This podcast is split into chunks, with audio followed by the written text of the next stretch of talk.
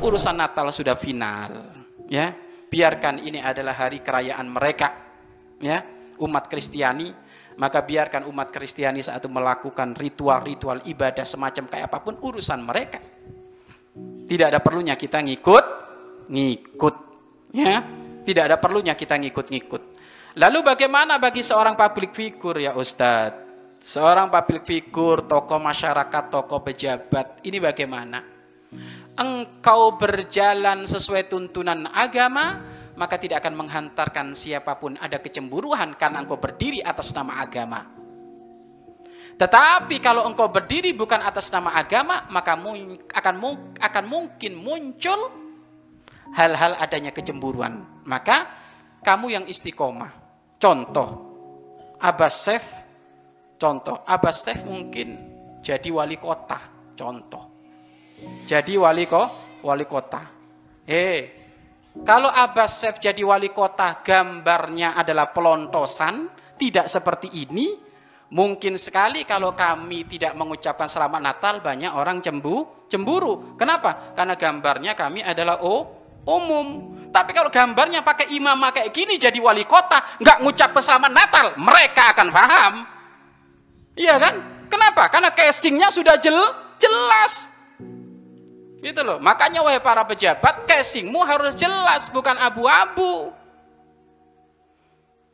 Nah kadang ini separuh pelontos, separuh Islam. Lah ini, kalau kayak gitu bagaimana? Ya, kalau memang ternyata ucapannya sang pejabat publik figur ini memang ditunggu untuk ketentraman umat, untuk ketentraman umat, maka ia mengambil pendapat selain jumur ulama pun nggak masalah, nggak masalah. Tapi untuk kebersatuan um umat. Tetapi dengan tidak mengucapkan umat sudah bersatu, maka tidak ada perlunya kamu mengucap mengucapkan. Maka dilihat, artinya apa? Timbang menimbang public figure bukan urusan pribadi, bukan yang kembali kepada sakunya, tapi kepentingan um umat. Kalau ternyata dengan tidak mengucapkan umat sudah tenang, ini public figure, tokoh masyarakat, pejabat, dengan tidak mengucapkan umat sudah tenang, ya sudah nggak usah mengucap, mengucapkan. Tetapi kalau dengan mengucapkan ternyata umat jauh lebih tenang, maka akan ada kerukunan yang jelas, maka ucapkan tidak masalah mengikuti pendapatnya ulama yang memperboleh memperbolehkan walaupun bukan dari jumhur ulama. Ya, sangat jelas ada di sini. Tetapi kadang orang itu ikut-ikutan latah, nggak paham hukumnya. Nah ini yang nggak benar. Apa nggak unik? Coba. Ada seseorang berjalan ke arah timur ada seseorang berjalan ke arah ti, ke arah timur. Sebenarnya tujuan utamanya bukan ke arah timur, tapi tujuan utamanya ke arah utara.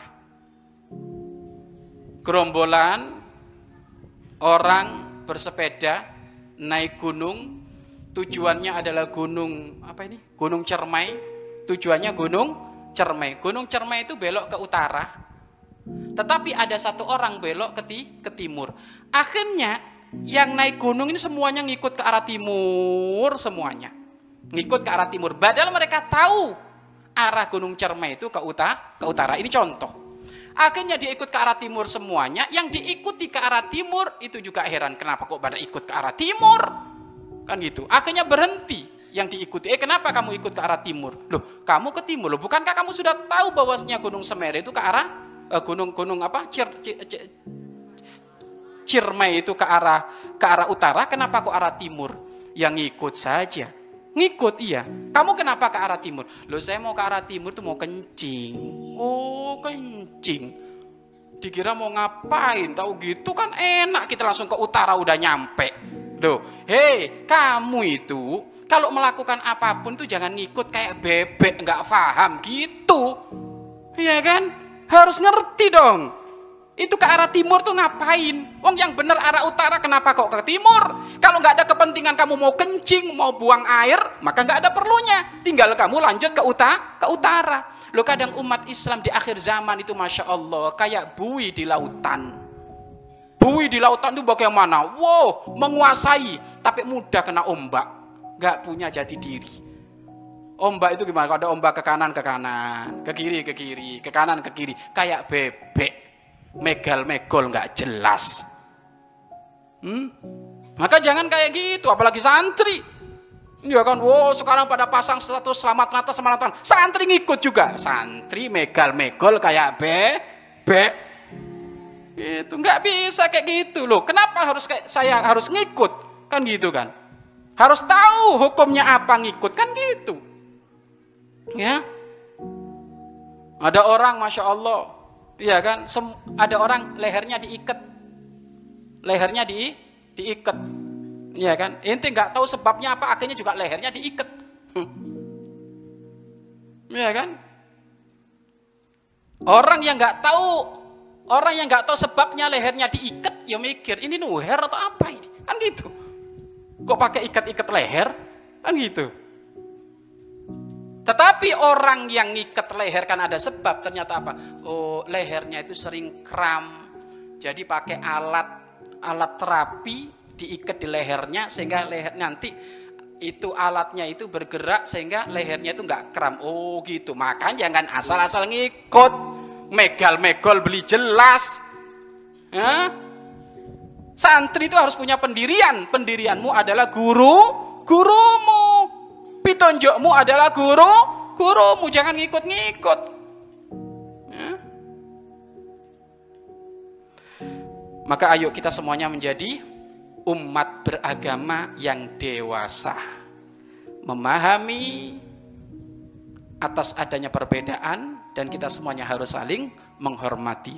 Umat Kristiani lanjutkan ritual-ritualmu di bulan dua, eh, di hari 25 Desember dan mohon maaf kami tidak perlu ngikut-ngikut karena memang itu adalah batas-batas di dalam urusan aga, agama. Kami pun tidak akan menuntut Anda untuk mengikuti puasa Ramadan, mengikuti nuzulul Quran, mengikuti maulid Nabi, enggak.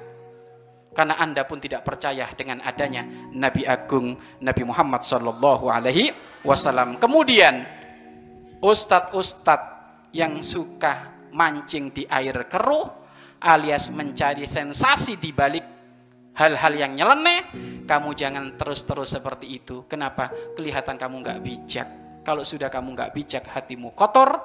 Hati yang kotor itu adalah muarah dari kedengkian, kebencian, dan yang dengki benci tempatnya adalah di kerak-kerak neraka Allah Subhanahu wa Ta'ala.